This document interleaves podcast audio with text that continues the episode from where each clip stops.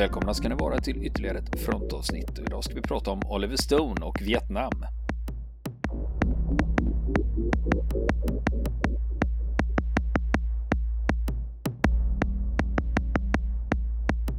Ja du Niklas, vi håller ju på att prata om Oliver Stone, vad han hade för sig i Vietnam. Ja, precis, precis. Nu börjar det ju bränna till ordentligt. Ja, precis. Han är ju med om slaget om Fire Support Base Burt och det är ju januari mellan 1 och 2 januari 1968. Och de har ju blivit attackerade på den här basen och det sista som har hänt nu det är att Stone och några andra soldater har fått i uppdrag att förstärka ett skyttevärn som är i utkanten av basen. Så det är alltså där det finns djungel. Och där har de då krupit ihop på botten av värnet då, för det kommer in jetflygplan och fäller 250 kilos bomber precis i närheten av dem. Så att eh, de var inte så tuffa just då. Men det som de är oroliga för nu, efter flyganfallet, det är att en nordvietnamesisk soldat ska dyka upp med ett raketgevär. För de vet om det, sätter de ett fullträff med raketgevär i deras värn, då är de rökta. Men nu kommer det amerikanska artilleriet in istället och det är med fosforgranater som slår ner i djungeln. Och Stone han beskriver lukten av fosforn som kemisk och skrämmande för fosforn bränner upp allt i sin väg. Och sen blir det tyst. Helt tyst. Men på avstånd kan de höra finkalibrig eld, men det avtar också. Och sen börjar det ljusna. Och Stone har ingen aning om hur många timmar som har gått sedan slaget började. Men han förstår ändå att det här har varit ett slag och att nordvietnameserna har varit där. Men han har inte sett en enda av dem. Hmm. Men nu, är, nu har det ljusnat och slaget är över så de återsamlas på basen och helikoptrarna lyfter ut 150 sårade amerikanska soldater. Och ryktet går att 25 amerikaner stupat under natten. Jag har kollat upp de siffrorna och de ligger eh, ungefär där, 23 är den korrekta siffran. Och Stone hade ju eh, råkat ut för, eh, när han förflyttas inne på basen så hade ju slagit ner en granat precis i närheten av honom. Aha, så han lider fortfarande av hjärnskakning. Men han och några andra soldater får uppdrag att begrava stupade fiendesoldater. Och det här med att begrava stupade fiendesoldater, det är inte så trevligt. För flera av de nordvietnamesiska soldaterna har blivit dödade av napalm eller fosfor. Och det gör att kropparna är så sönderbrända så det är svårt att hantera dem. Det är svårt att bära dem. Och de får in en bulldozer så att de kan lägga kropparna i en massgrav. Och eh, Stone, han uppskattar antalet stupade till 400 fiender då. Och det är ungefär det som står i after action-rapporten också. Uh, ungefär de uh, siffrorna då. Och det här begravningsdetaljen han är med på där med att bära och begrava kroppar, fiendekroppar då, det tar hela dagen. Och de sakerna han fick se där när han var med där, han skriver i sin självbiografi Chasing the Light att eh, i efterhand då säger han att egentligen var jag för ung för att behöva se något sånt här, uppleva det och än mindre begripa det. Ja, det kan man ju förstå. Det måste varit fruktansvärt. Ja, och sen har vi det här, det som har hänt här, slaget om Fire Support Base Burt. Eh, det var ju fler där. Och det som Oliver Stone, han såg ju inte så mycket och han var ju vanlig eh, basse. Han hade ju inte så bra koll på vad som hände. Men eh, det fanns andra där som hade bättre koll på läget. Bland annat finns det en plutonchef som var där, som var med i, i C-kompaniet. var ju, Stone var ju i B-kompaniet och den här soldaten löjtnant Adkins, Dennis Adkins, han var med i C-kompaniet. Han har skrivit ett brev där han berättar om vad som har hänt den här natten. Och jag, jag har fått tag på det här brevet. Och det ger dig en mycket mer detaljerad och begriplig skildring av vad som hände på basen. Så den ska jag, jag ska läsa upp hans brev nu. För då får man ganska bra förståelse för vad, vad som hände där. Och brevet börjar så här. Käre John, jag sitter här i beundran efter att ha läst redogörelserna från män jag aldrig träffat men som var bredvid mig ovanför mig natten den 1 januari 1968. Pansarskyttefordonen rörde upp damm som hängde kvar i luften som en röd slöja när vi kom till Fire Support Base Burt. Där kunde man känna ett obehag som en osynlig ondskefull kraft. Man kände på sig att det här var en dålig plats. C-kompaniet hade kommit dit för att förstärka resten av bataljonen och som chef för tredje pluton fick vi de fem sista posteringarna på den södra delen av försvarsverket som slutar på den östra sidan vid vägen som leder ut från basen. På andra sidan vägen stod pansarskyttefordon från andra pluton. Skyttevärnen som vi tog över de var dåligt grävda. De var inte tillräckligt djupa och saknade överbyggnad. Men det var tuff mark att gräva i. Jorden var som betong och spadarna studsade mot det hårda underlaget. Och hettan gjorde jobbet ännu svårare. Det här är tillräckligt djupt, löjtnant. Nej, det är det inte. Vi gräver tills det blir mörkt om det så behövs. Dessutom behövde vi jorden för att fylla sandsäckar och lägga ovanpå skyttevärnen. Utanför våra eldställningar så var det kraftig vegetation. Trots att vi rensade hade vi en sikt på kanske 15-20 meter innan det började bli mörkt. Och vi satte upp flera larmminer och claymore-miner. Vi stod i matkön när fiendens granatkastare satte igång. Våra granatkastare inne på basen satte också igång och höll på i över en halvtimme. Jag sa till min plutonsergeant att det svaret från oss, det borde lösa saken. Och jag höll precis på att somna när jag hörde någon skrika ”Inkommande!” Alla dök ner i sina värn, men den här gången var det inte några trevande granater. Det var ett rejält bombardemang och splittret ven genom luften. En lyssningspost hundra meter ut framför oss rapporterade in rörelse runt omkring dem och sen blev det tyst. Det var det sista vi hörde från dem. 15 minuter efter att granatbeskjutningen inleddes börjar en M60 till vänster om mig öppna eld. Innan jag hann fråga via radion vad som pågick började kompanichefen Captain Fishburn, skrika för att få reda på vad det var som hände. Öppningen i mitt skyttevärn låg i markhöjd och när jag tittar ut ser jag larmmimorna poppa som popcorn utanför vår taggtråd och lysa upp djungeln. Det vi såg var en mur av människor som rörde sig mot oss. Vår mittenbunker precis framför mig exploderade och fiendesoldaterna strömmade in på basen medan de sköt. Det var som en damm brustit när de strömmade in. Vi blev omringade och när de försökte ta sig in via öppningarna på baksidan möttes de av kraftig eldgivning från oss. Radion sprakade till igen. Det var kapten Fishburn som skrek efter hjälp. Vietkong är på taket på vår bunker och skjuter ner mot oss mellan sandsäckarna. De försöker ta sig in bakvägen. Skicka hit nå... Sen blir det tyst. Det finns inget sammanhängande försvar kvar i min sektor. Varenda en av de fyra bunkrarna jag basade över var nu en egen stridande enhet. Och mina soldater sköt åt alla håll. Fanns ingen möjlighet att nå dem. Jag var den enda i bunkern som visste var kompanichefens bunker låg, så jag beordrade Sergeant Beeb att ta befälet. Jag sa till min signalist David Smith Smith att lämna radion, ta sitt vapen, magasinen och några handgranater och följa med mig. När vi kröp ut ur bunkern var det mörkt med enstaka blixtar. Röda och gröna spårljus flög åt alla håll runt oss. Vi tappade nästan andan av all korditrök. För att inte bli upptäckta sköt vi bara på de fiender som sprang precis på oss. De stormade in mot mitten av basen. Trots att vi försökte vara diskreta när vi sköt fiender så slog ändå kulor ner i sanden runt om oss. Smitty ropade att det är en grop i marken här. Hålet var kanske 10 centimeter djupt och vi la oss i gropen med piporna riktade åt varsitt håll. Det var ett ovalt hål och vi kunde ligga på mage med våra ben korsade varandra. Smitter var vänd åt ena hållet och jag åt andra. Vi sköt mot fienderna som vi knappt kunde se, medan de listade ut var vi var någonstans. Plötsligt stannade allt upp av en kraftig blixt och en explosion. Jag kände en kraftig smärta i mitt högra ben och jord i näsa och mun. Det ringde i öronen och sen ingenting. Plötsligt hör jag ett muller. Ljudet kommer närmare och närmare. Något studsar på mitt ben. Nu dånar det i mina öron och jag förstår att det är en kulspruta. Det är tomhylsor som studsar mot mitt ben. Det är Vietkong som använder mig som skjutstöd för en kulspruta och använder också mig som skydd, som om jag vore någon kullfallen trädstam. Jag ligger stilla och försöker dölja mina hjärtslag.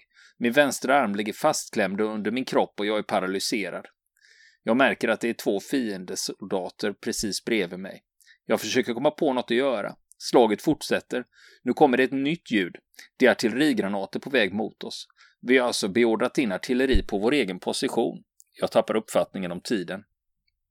Och där, medan jag spelar död, tänker jag att jag är den enda överlevande amerikanen och jag väntar bara på att dö.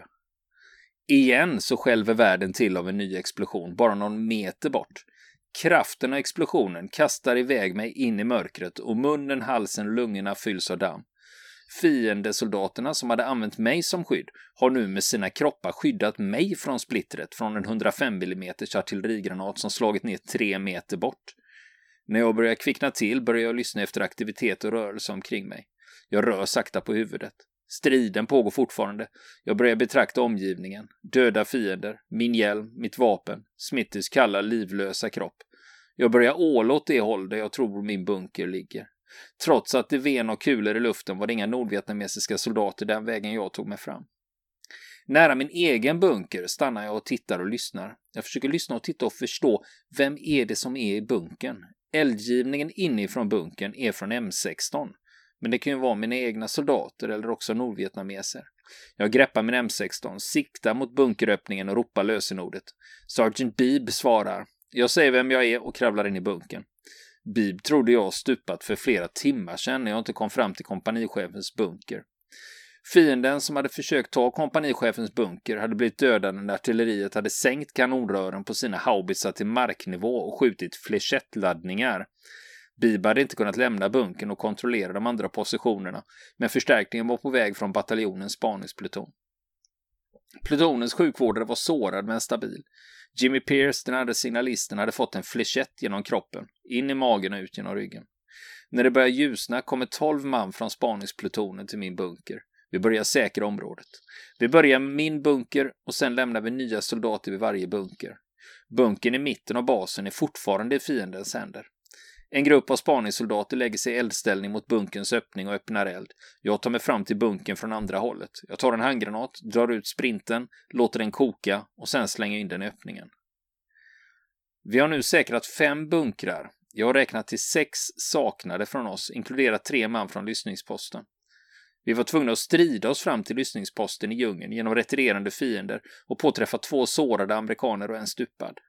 När vi börjar få ordning på och ta tillbaka basen så faller nordvietnameserna tillbaka in i djungeln. Den morgonen, medan röken skingrades, hittade jag de tre saknade soldaterna. De hade stupat under striden. Bland de modiga männen som var där den natten, Mike Balser, chefen för andra pluton, det var han som hade lett patrullen som gav sig ut på kvällen. Han hade lyckats ta sig tillbaka till basen innan han stupade i striderna där. Medan helikoptrarna evakuerade de sårade och stupade kom jag ihåg att jag satt på en trästam och tittade på sex kroppar täckta med ponchos. Det var de jag hade förlorat under natten. Jag grät. En fältpräst dyker upp och försöker trösta mig. Jag tar mig fram till en av de sista helikoptrarna som ska lämna Fire Support Base Burt. Jag ville därifrån och ville aldrig sätta min fot där igen. Igår hade vi haft 29 man i plutonen. Nu var sex stupade, 16 sårade och de återstående sju männen det var de som nu var tredje plutonen i Charlie-kompaniet. Och där slutar brevet. Mm. Intressant. Väldigt, väldigt. Dennis Adkins hette eh, den löjtnanten. Ja. ja, klart han hade ju lite en annan utblick än vad, vad Stone hade, hade då. Så ja. förstår man att han kunde ge lite mer kött på benen. Ja, Jo, precis. Eh, och också lite överblick och lite koll liksom på var ställena låg och vad det var som hände. Så det är hans eh, berättelse om vad han upplevde under slaget. Men vi ska tillbaka och berätta om Oliver Stone. Och eh, under hans fortsatta tjänstgöring i, i 25th Infantry Division då såras han två gånger. Första skadan är ett splitter, eller en kula i halsen. Eh, den kapar nästan halsartären och det skedde under ett nattanfall när de låg i bakhåll. Och då kom jag direkt och tänkte, när jag läste på det här, då tänkte jag på det här nattanfallet de genomför i filmen Plutonen. Eh, där huvudpersonen Charlie Sheen också såras i halsen. Jag misstänker att det är snarlikt det som hände Stone. För det är just när man läser hans bok så inser man att, ah, vad fan, det här har ju hänt på riktigt ju. det är ganska många, många sådana tillfällen. Andra gången han skadas, eh, då är det av en sprängladdning som satt i ett träd. Då får han splitter i benen och skinkorna, men han hämtar sig. Och det blir alltså två Purple Heart på det där. Och eh, det innebär att han tas ur stridande tjänst. Han har varit i 25 i ungefär ett eh, halvår och nu förflyttas han till en militärpolisenhet i Saigon med uppdrag att vakta byggnader. Det är alltså vakttjänst i de bakre områdena långt från striderna. Men det finns fortfarande risk för attentat eller eldöverfall. Men de som bestämmer där, det är stamanställda Master Sergeants i 40 och 50-årsåldern som väntar på pensionen. De trivs bra att vara långt från fronten. Och Stone hamnar på kant med sin sergeant som är på honom hela tiden för allt möjligt. Och till slut anklagas Stone för en disciplinär överträdelse. Den är inte tillräckligt allvarlig för krigsrätt, men nära på. Den ska fortfarande ganska högt upp i hierarkin för att bedömas. Och Stone inser att han aldrig kan vinna det här, utan istället så begär han förflyttning. Och då får han ordnat att han ska ansluta sig till First Cavalry Division. Och det här är nära den demilitariserade zonen mellan Nord och Sydvietnam. Och eh, det är där uppe han kommer att tjänstgöra återstoden av sina 15 månader i Vietnam. För nu är det april 1968 och han ska vara kvar till november 1968. Och, och den befattningen som Stone ska ha, han ska bli LURP. Vet du vad det är? LURP, ja. Ja. Du, Long ja. Range Recon Patrol, det vill säga eh, spaningsförband som är ute långt bort alltså och helt självständiga. Just det, så var det. Mm. Ja, du kommer ihåg Rocky Schmidt som vi intervjuade. Jajamän. Från Tidaholm, Vietnamveteranen. Ja, ja, visst. Eh, han, hade, han var ju, eh, Eh, har varit ute på LURPS, eh, Long Range Recon Patrols. Så vill man höra liksom hur det kunde gå till så har ju han några historier om det där. Man kan lyssna på våra gamla frontavsnitt om det. Rocky Schmidt kan ni söka på. Och, men för Oliver Stones del, han hamnar i E-kompaniet eh, och de tillhör 52nd Cavalry Regiment då, som tillhör First Cavalry Division Airborne. Och det här kompaniet, de är 120 man. Och det är här i First Cavalry som Stone lär känna Sergeant Elias, alltså förlagan till karaktären Sergeant Elias i filmen Plutonen. Och lustigt är att i verkligheten så hette han Juan Angel Elias. Eh, så att eh, han hette faktiskt Elias och var sergeant. Så att namnet är inte ändrat. Utan inte det heller alltså? Nej, nej, det fanns en förlaga och eh, han hette Sergeant Elias på riktigt och det hette han i filmen också. Och Eh, det, och det är just det när han är där och, eh, bland lörparna. Eh, där är Elias, han är sergeant och gruppchef. Han borde vara plutonsergeant, skriver Stone, med tanke på hur länge Elias har varit i tjänst. Men han hade antagligen gjort någonting som fick honom degraderad. Han var lite över 1,70 och hade ett ursprung från Apache med spanskt blod inblandat. Och det gick rykten om honom, han var en lite mytisk figur. Eh, det ryktades att han hade suttit inne innan Vietnam. Och de trodde så här att det var säkert en domare som fick honom att välja fängelset eller armén och så valde han armén då. Och eh, det är, det, det är så snacket går, fast ingen visste säkert. Och det här var Elias andra vända i Vietnam. Och han gillade spaning och var ute på det. Och det är också det som LURP handlar om. Och den här typen av spaningsförband, de sökte inte strid utan skulle rapportera in vad de såg på sina patruller. Kanske ropa in artilleri eller tyst dra sig ur och rapportera när de kom hem. Och grejen med Elias var att han hade karisma och Stone tyckte det var lite filmstjärna över honom. Men nu var det så här att Stone, han blev inte kvar så länge som LURP. För han hamnar på kant med en Master Sergeant som anklagar Stone för attitydproblem så Stone åker ut och förflyttas till ett annat förband. Så det är en sån här återkommande grej då, att han kommer på kant med auktoriteter. Ups. ja. Och eh, han, han förflyttas därifrån till ett annat förband. Jag ska berätta mer om det strax. Men när det har gått efter, det är en månad efter att han har lämnat lörparna. Då får han höra att Elias har stupat. Och det som hade hänt var att de höll på att rigga en försåtsminering. Eh, de skulle sätta upp en försåtsminering själva när granaten exploderade och Elias och en till dör. Och sen var det en tredje där som förlorade ett öga. Så det var inte någon strid eller någonting utan det var någon form av misstag eller klantighet då. Men Stone kom ju till ett nytt förband. Nu hamnar han i första bataljonen i nionde kavalleriregementet och det är fortfarande First Cavalry Division Air Mobile som det handlar om. Nu är det inte LURP då, utan nu är det mera klassiskt infanteri det handlar om. Och det är där han träffar förebilden för Sergeant Barnes. Och eh, till skillnad mot Elias då så skriver inte Stone ut i boken vad han heter egentligen. Men eh, ni kommer ihåg karaktären i plutonen, den spelas ju av Tom Berenger. Stones beskriver den verklige Barnes som tyst och farlig. Han är snygg men han har ett stort ärr från pannan över ögat och ner till käken. Han var 170 cm lång. Och han var den som utstrålade ledarskap mer än något annat underbefäl, befäl eller officer som Stone hade träffat. Och Stone var Barnes signalist och höll sig precis bakom Barnes när de var ute på patrull. Barnes var vänsterhänt, en naturlig skytt och smidig i rörelserna och kom från Montana. Och en morgon när de är ute på patrull, då stannar plötsligt Barnes och lyssnar uppmärksamt. Och de känner en svag lukt av att någon tillagar fisk. Barnes beordrar med handsignaler att patrullen ska stå still och vara tyst. Och Barnes smyger framåt själv i djungeln och försvinner. Sen är de två snabba skott. Barnes kommer tillbaka och beordrar patrullen framåt. De kommer fram till en plats där det ligger två döda Vietkong. De blev överraskade i frukosten och hade inte kunnat gissa att amerikanerna var ute så tidigt på morgonen, så här långt ute. Barnes gör inga stora gester över det han nyss gjort, utan de kontrollerar de stupade Vietkong och sen fortsätter de patrullera. Barnes han är inne på sin andra eller tredje vända i Vietnam och han hade lätt kunnat bli hemförlovad efter ansiktsskadan, men det verkar som att han ville vara där. Och Stone känns ju som Barnes signalist här. Och en dag så byts han ut. Han ska inte vara signalist längre för Barnes. Och Stone undrar varför, men frågar inte. Något måste han ha gjort, eller inte gjort. Och han får aldrig veta varför. Utan istället så blir han vanlig skyttesoldat i gruppen istället. Och det är här med första bataljonen, nionde kavalleriregementet, eh, som Oliver Stone får sin första confirmed kill. Eh, och det är sommaren 1968. Och det som har hänt, det är att eh, de hade gått rätt in i ett bakhåll som Vietkong hade satt upp. Och en löjtnant och en sergeant stupar tidigt i striden. Men även den tjänstehund som de hade med sig, en schäfer, dödas här. Och Oliver Stone tyckte väldigt mycket om den hunden. Och de är två plutoner. Och plutonerna försöker gruppera sig för att försvara sig. Problemet är att plutonerna är placerade på ett sådant sätt att de effektivt kan slå mot det som är mellan dem.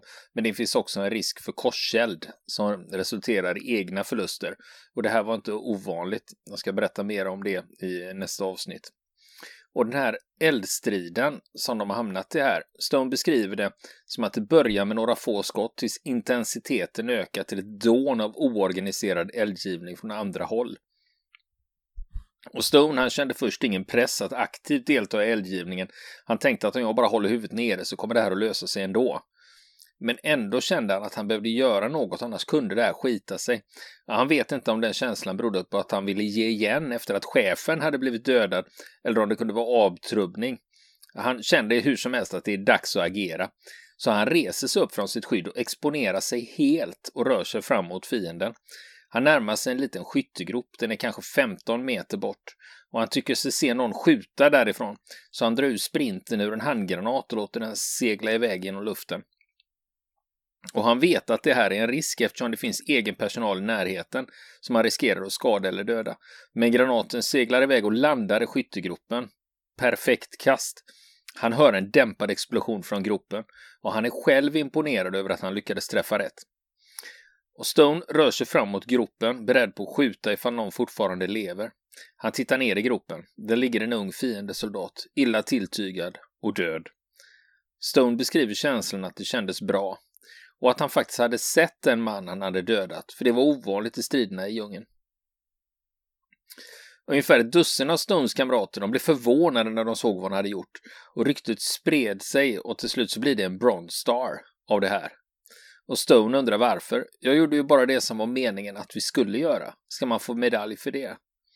Och när Stone beskriver den här händelsen i sin bok, då skriver han också att eh, han verkar kanske känslokall, men att man inte ska se den så, för han minns det här för resten av livet. Han återupplever det om och om igen och det gör han fortfarande. Men han säger också att han känner ingen skuld i det här, utan han säger att han dog, jag överlevde. Det är så det fungerar i den här typen av krig. Och Stone, han säger att under hans tid i Vietnam så deltog han i mer än 25 anfall med luftlandsättning med helikopter och det är inte konstigt, han tillhörde ju Air Cavalry. Och sen lär han sig uppskatta något som han inte kommit i kontakt med tidigare och det är kraftig vietnamesisk marijuana. Ja. Och just, eh, just hans intresse för marijuana, det kommer jag komma tillbaka till när jag berättar om Stone efter Vietnam. Men vi kommer att sätta punkt för det här avsnittet nu om striderna i Vietnam. Sen när vi kommer tillbaka då kommer vi fortsätta att prata om Vietnam och sen kommer vi att gå över till eh, lite vad Stone hade för sig efter kriget. Vill ni komma i kontakt med oss så kan ni göra det via vår Facebook-sida som heter Fronten. Det är inga problem för er att leta er fram där. Eller också så mejlar ni på vår mejladress och det är frontenpodcast@gmail.com.